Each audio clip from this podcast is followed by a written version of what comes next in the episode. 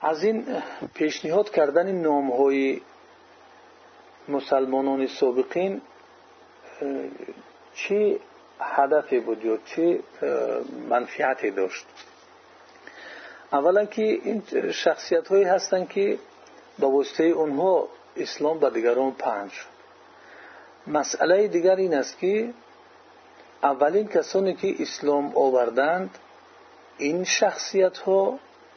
بهترین شخصیت ها در قوم هاشون بودند بهترین شخصیت ها از نام های اونها دیدیم که از قوم های مختلف بودند شخصیت های شناخته و شخصیت های و قوم های معروف قبیله های معروف و در جامعه مکی یعنی شخصیت هایی بودند که اونها بهترین شماریده میشنن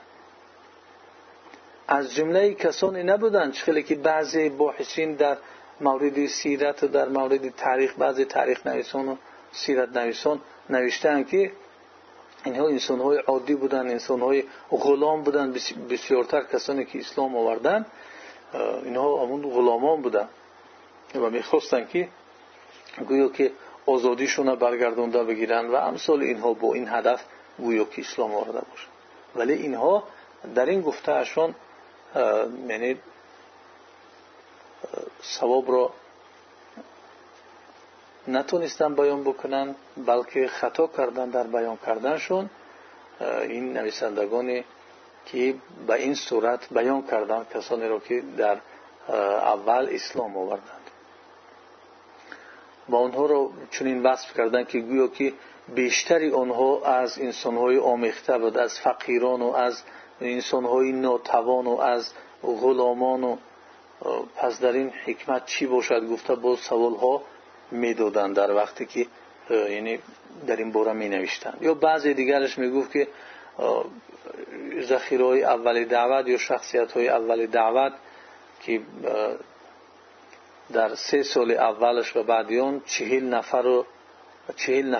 مرد و زن بودند که بیشتری آنها یا عامه آنها از فقیرا و مستضعفین بودند از غلامان و از این شخصیت های زیردست بودند و حتی در پیش قدم ترین آنها گویا انسان هایی که آمیخته بودند در این جامعه از اعجمی مثل صحیبی رومی و بلال حبشی اینها را نام می‌گرفت. وقتی که بحث و بررسی دقیق نسبت این چیزها از جانب دانشمندان شده گذشته است این بحث و بررسی دقیق آنها اثبات می‌کند که آن مجموعه را که با آنها اشاره شد که فقیران گفتن شو مستضعفین گفتن آنها را غلام گفتن یا انسانهای آمیخته در جامعه عربی که غیر عرب بودن اعجمی بودن همه آنها را جمع کردن اینها سیزده نفر برآمدن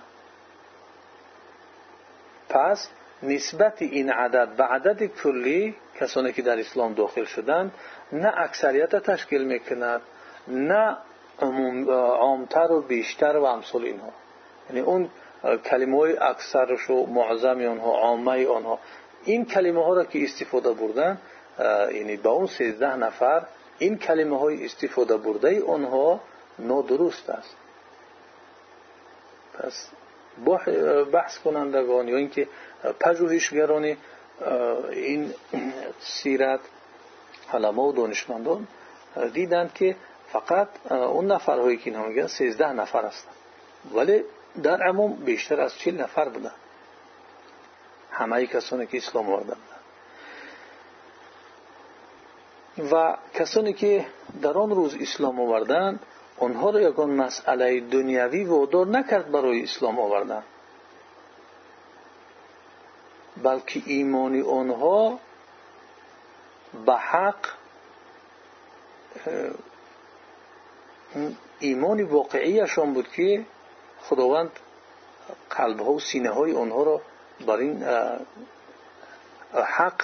به حقیقت و به نصرت پیامبر صلی الله علیه وسلم اونها را یعنی وادار کرد برای نصرت دینش. و در این کار که ایمان آوردن به حقیقت و نصرت پیامبرش محمد صلی الله علیه و دیگر هم انسان شریف و هم انسان غلام هم انسان ثروتمند و هم انسان فقیر اینها همه برابر اشتراک کردند مثل ابوبکر صدیق بلال حبشی و عثمان ابن عفان و صحیب رومی اینها برابر در ایمان آوردن و در نصرت پیامبر صلی الله علیه و همه برابر اشتراک کردند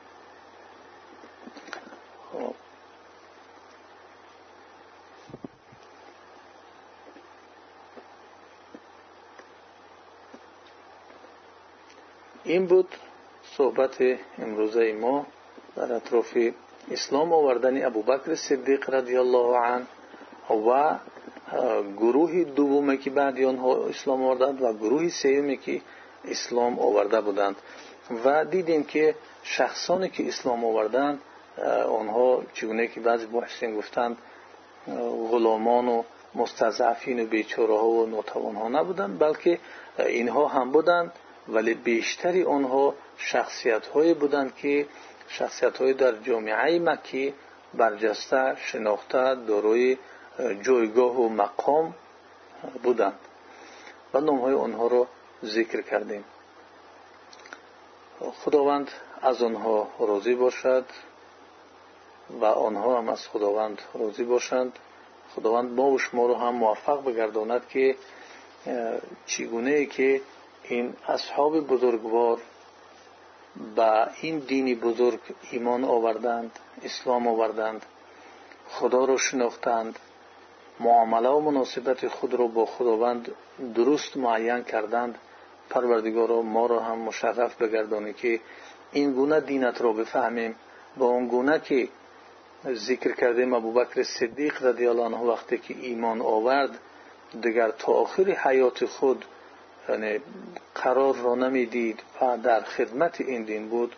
ما و شما را مشرف به این گونه ایمان و این گونه خدمت بگرداند. و جزاکم الله خیرا اگر یگان سوال در